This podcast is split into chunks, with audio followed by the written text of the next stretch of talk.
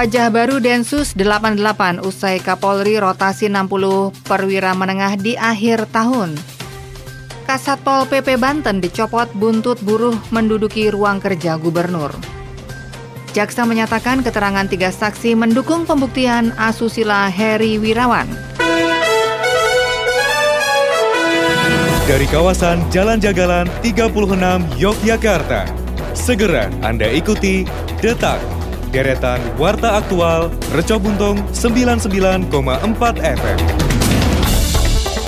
Selamat petang pemirsa, itulah tadi beberapa informasi yang dapat Anda ikuti dalam program Detak Deretan Warta Aktual Reca Buntung edisi hari ini, Jumat 24 Desember 2021. Saya Asik Eka Dewi, segera kita menuju informasi pertama.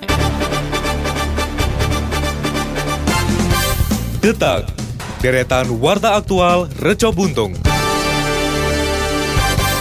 Dari CNN Indonesia, Kapolri Jenderal Listio Sigit Prabowo merotasi puluhan perwira menengah atau PAMEN yang bertugas di Detasemen Khusus Densus 88 Anti Teror Polri pada akhir 2021 ini. Perombakan itu termaktub dalam surat telegram nomor ST 258512 Cap garis miring 2021 yang ditandatangani oleh Asisten Kapolri Bidang Sumber Daya Manusia Irjen Wahyu Widodo tertanggal 21 Desember 2021. Dalam telegram tersebut dikukuhkan juga sejumlah perwira yang akan mendapatkan promosi atau kenaikan pangkat satu tingkat lebih tinggi menjadi dari komisaris besar atau kombes menjadi brigadir jenderal. Kepala Divisi Humas Polri Irjen Dedi Prasetyo mengatakan ini merupakan mutasi secara alamiah tour of duty, area penyegaran dan promosi. Dalam surat telegram yang diterima, mutasi dilakukan terhadap 60 pamen. Misalnya Kombes Aswin Azhar Siregar yang saat ini menjabat sebagai Kepala Bagian Bantuan Operasi dipindah menjadi Kepala Bagian Perencanaan dan Administrasi. Tercatat total terdapat 32 jabatan Kasat Gaswil Densus 88 dirotasi oleh Kapolri dalam telegram tersebut. Selain itu sejumlah direktur yang kini berpangkat Brigjen atau Jenderal Bintang 1. Mereka adalah Kombes Heri Heriawan yang dikukuhkan sebagai Direktur Penyidikan Densus 88 Anti Teror Polri. Kemudian Kombes Z Ringu yang dikukuhkan sebagai Direktur Intel Densus 88 dan Kombes Suseno Nurhandoko yang dikukuhkan sebagai Direktur Penindakan Densus 88. Ketiganya akan mendapat kenaikan pangkat satu tingkat lebih tinggi.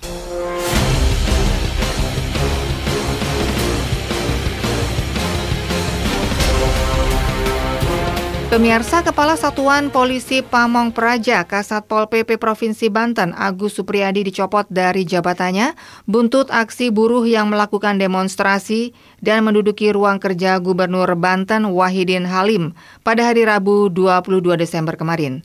Demikian dikatakan Kepala BKD Banten Komarudin saat dihubungi cnnindonesia.com hari Jumat 24 Desember. Ia mengatakan keputusan itu diambil karena ada indikasi Satpol PP tidak berfungsi dalam menjaga ketentraman dan ketertiban di lingkungan pusat pemerintahan Provinsi Banten. Komarudin pun menyinggung peristiwa buruh yang menduduki ruang kerja gubernur. Ia menyampaikan berdasarkan PP 94 garis miring 2021, ASN yang diduga tidak melaksanakan tugas kedinasan dan berdampak negatif terhadap instansi dapat dijatuhi sanksi disiplin berat. Terpisah Gubernur Banten Wahidin Halim menyesalkan aksi masa buruh itu. Ia pun menyerahkan prosesnya ke pihak yang berwenang. Puluhan anggota serikat buruh sebelumnya dilaporkan menduduki ruang kerja Gubernur Banten di kawasan pusat pemerintahan Provinsi Banten atau KP 3B Kota Serang Rabu 25 Desember. Puluhan buruh itu merangsek masuk memakan camilan dan meminum air yang ada di ruang kerja gubernur. Pintu masuk kantor gubernur pun rusak. Buruh berdesakan masuk ke ruangan. Kursi yang biasa diduduki gubernur pun diduduki oleh buruh.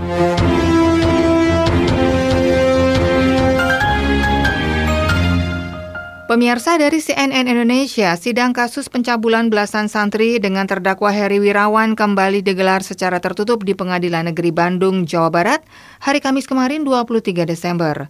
Menurut Kepala Kejaksaan Negeri Tinggi Jawa Barat Asep Mulyana yang turun menangani perkara ini sebagai jaksa penuntut umum, menyatakan keterangan tiga saksi yang dihadirkan dalam persidangan hari ini mendukung adanya pembuktian terkait aksi bejat dari Heri Wirawan. Asep menerangkan tiga saksi yang dihadirkan dalam sidang kemarin adalah ketua RT, warga setempat, dan salah satu korban santriwati. Para saksi hadir mengikuti persidangan di ruang sidang anak dan berlangsung tertutup. Sedangkan terdakwa Heri Wirawan mengikuti jalannya sidang secara daring dari rutan Kebonwaru. Dari ketua RT-nya didapatkan informasi pihaknya tidak mengetahui kegiatan-kegiatan dalam komplek perumahan. Kegiatan mereka sangat tertutup dan tidak pernah berbaur, bahkan masyarakat pun tidak pernah tahu kalau di sana ada kegiatan keagamaan, pengajian, dan sebagainya. Guru ngaji sekaligus pimpinan Yayasan Pondok Pesantren Manarul Huda Antapani Kota Bandung Heri Wirawan didakwa dengan dakwaan primer melanggar pasal 81 ayat 1 ayat 3 Jungto pasal 76 Undang-Undang RI nomor 35 tahun 2014 tentang perlindungan anak. Detak, deretan warta aktual Reco Buntung.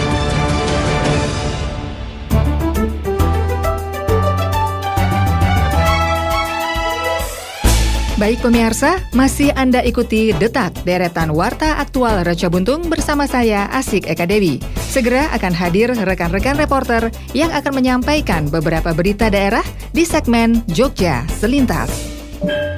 Baik, terima kasih rekan Asik Eka Dewi. Pemirsa Jogja Selintas kami awali dari Sleman, dikutip dari Harian Kedaulatan Rakyat. Polda DIY menggelar operasi pengamanan Natal dan Tahun Baru 2022 dengan sandi Operasi Lilin Progo 2021. Ribuan personil gabungan akan dilibatkan dalam operasi yang akan digelar mulai hari ini, Jumat 24 Desember, sampai dengan Minggu 2 Januari 2022. Berbeda dari tahun sebelumnya, meskipun masih di masa pandemi, namun tidak ada penyekatan di wilayah perbatasan. Demikian dijelaskan oleh Wakapolda DIY Brigjen Pol Slamet Santoso SIK usai memimpin apel gelar pasukan operasi Lilin di halaman Mapolda DIY pada Kamis kemarin. Pihaknya tidak akan melakukan penyekatan di batas kota, tetapi fokus pada pengetatan prokes terutama tempat keramaian, seperti di lokasi wisata. Pengamanan tempat ibadah selama Natal tentu saja tetap menjadi prioritas pihaknya. Menurut Wakapolda, sebagai kota kedua tujuan wisata, diprediksi akan banyak wisatawan yang berkunjung ke Yogyakarta, sehingga untuk menekan penyebaran COVID-19, pengetatan prokes di tempat keramaian harus dilakukan. Selain itu juga Polda telah melarang kerumunan saat malam perayaan malam tahun baru. Adanya potensi bencana seperti erupsi Gunung Merapi dan banjir juga menjadi atensi dalam operasi tahun ini.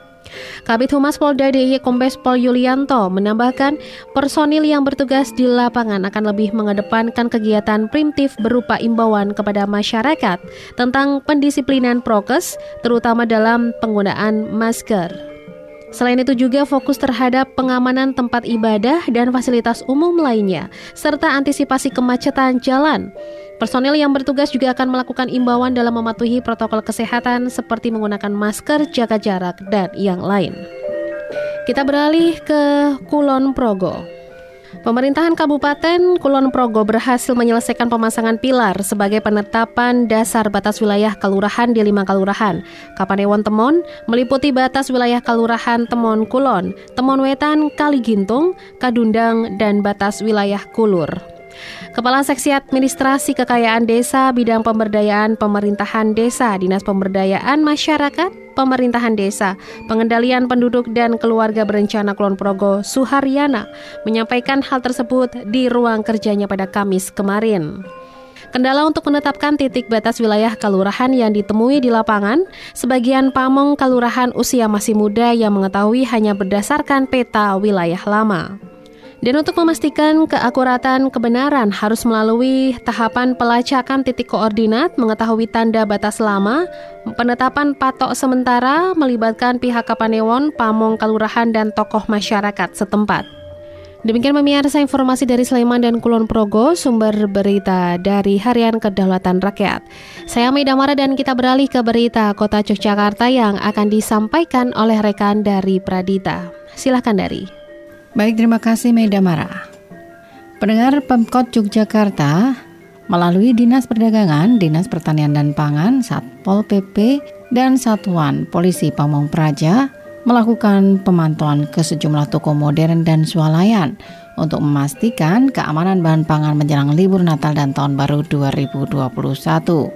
Kepala Bidang Pangan di PP Kota Jogja Muhammad Imam Nur Wahid pada Rabu 22 Desember 2021 menyatakan dari hasil pantauan dilakukan untuk melakukan pengawasan mutu barang di dua pasar modern yakni Superindo dan Swalayan Progo.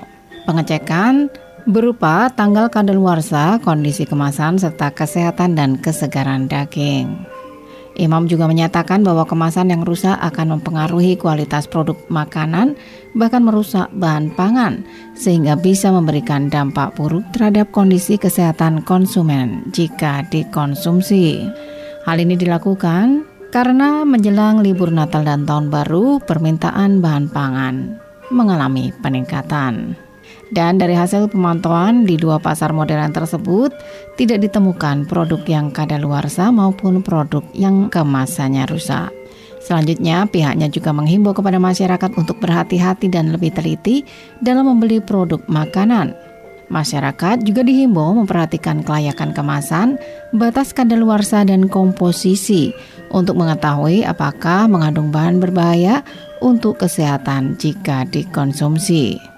Selanjutnya, apabila ditemukan produk makanan dengan kualitas tidak layak konsumsi, dapat segera menyampaikannya kepada manajemen toko.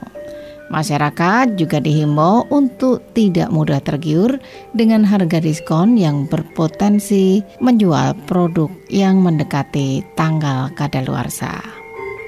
Pendengar Wakil Wali Kota Yogyakarta Heru Purwadi bersama dengan Perhimpunan Hotel dan Restoran Indonesia DIY dan Dinas Pariwisata Kota Yogyakarta melaksanakan pembinaan protokol kesehatan bagi para usaha jasa perhotelan di Kota Yogyakarta. Dedi Pranowo Erniono, Ketua PRI DIY menyatakan bahwa PHRI terus melakukan pengawasan protokol kesehatan untuk menekan laju penyebaran COVID-19 di Kota Yogyakarta. PHRI Menurut Dedi Pranowo mengontrol anggota Satuan Gugus Tugas PHRI. Namun pihaknya juga meminta bantuan dari pemerintah agar tidak kecolongan. Pihaknya juga menyatakan hingga saat ini PHRI memiliki 400 anggota Satgas COVID-19 yang berada di resto dan yang ada di restoran dan hotel. Selanjutnya menjelang libur Natal dan Tahun Baru, tingkat reservasi dari tanggal 24 Desember hingga 2 Januari 2022 telah mencapai angka 68,2 persen. Pihaknya terus berharap reservasi sesuai target yakni 80 persen. Dari presentasi tersebut tidak semua kamar dioperasikan, maksimal 75 persen dari kapasitas kamar yang ada. Dedi Pranowo juga menyatakan dibanding pada bulan November 2021, jumlah reservasi dua minggu ini mencapai 80 persen. Akan tetapi, pihaknya juga menghimbau masyarakat yang akan berwisata ke kota Yogyakarta untuk tetap mematuhi peraturan yang ada dan selalu menjalankan protokol kesehatan di mana pun dan kapan pun.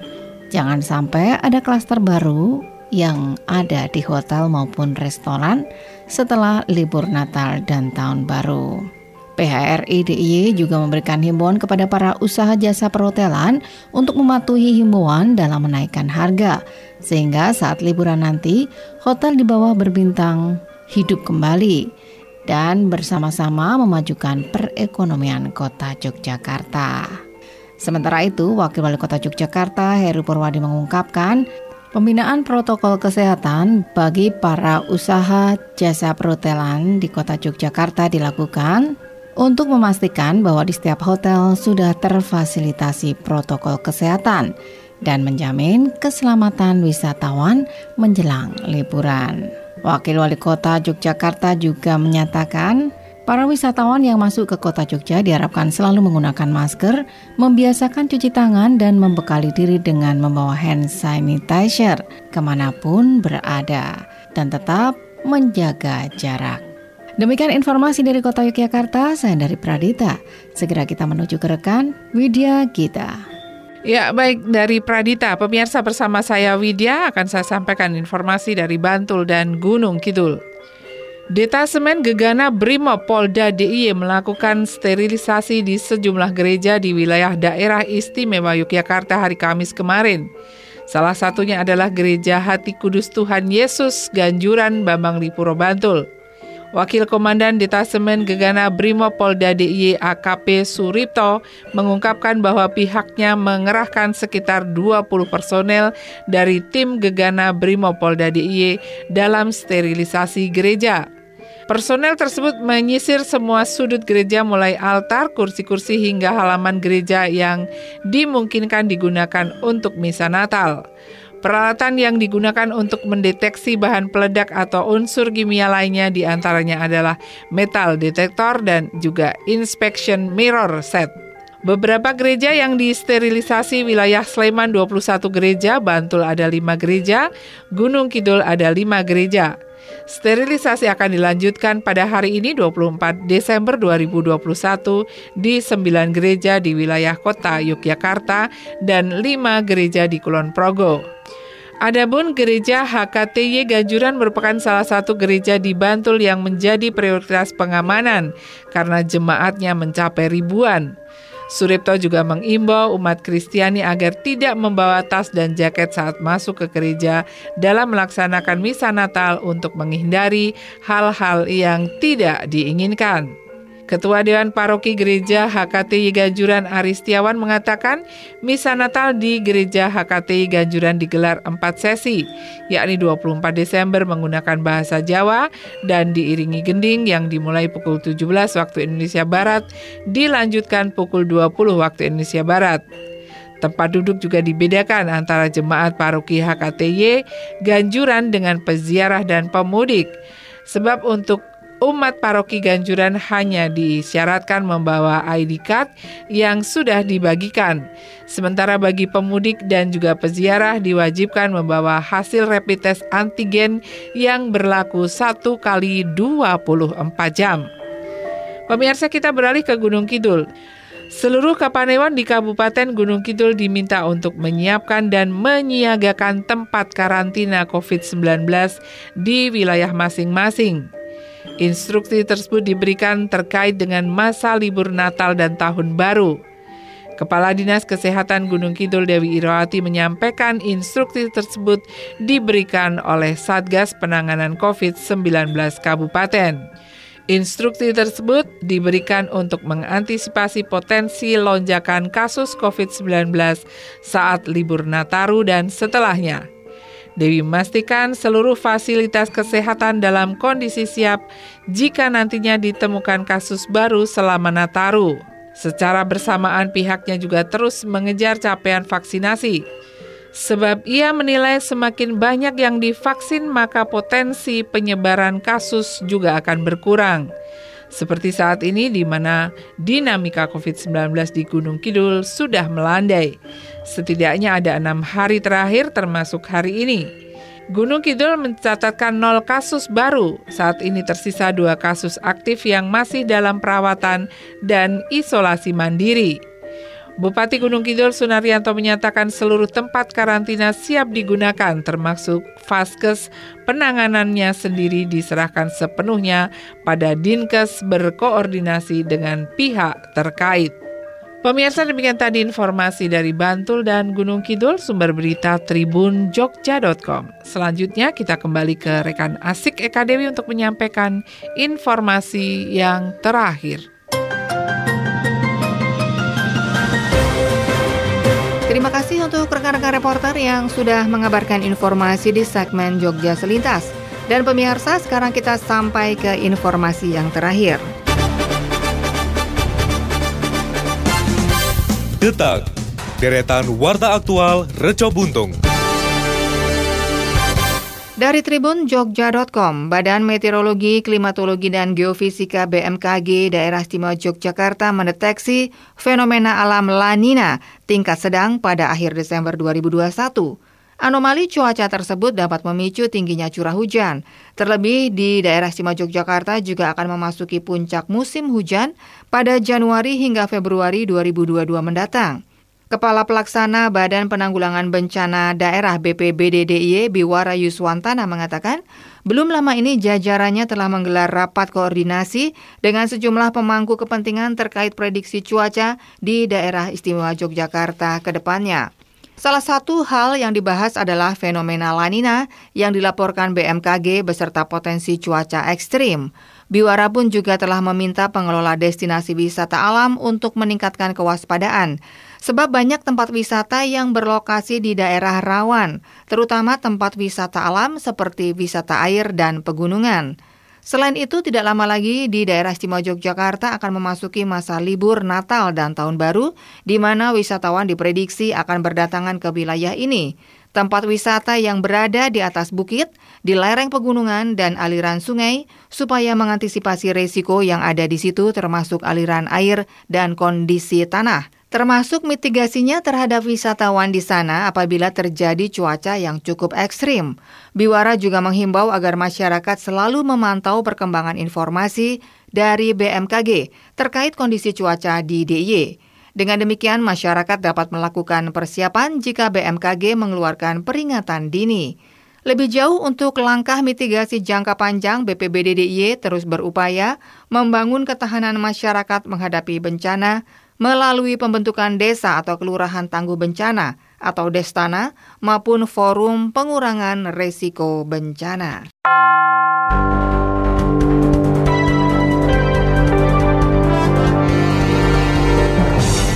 Pemirsa waspada virus corona. Penularan dari manusia ke manusia lewat cairan, batuk, bersin, dan berjabat tangan. Virus ditularkan jika Anda menyentuh cairan orang terinfeksi, lalu menyentuh area mata, hidung, mulut. Gejala-gejala yang perlu diperhatikan: batuk, pilek, sakit tenggorokan, demam, sakit kepala, dan sesak nafas. Hotline Kemenkes terkait virus corona di 021 5210 411 atau 081 2121 23119.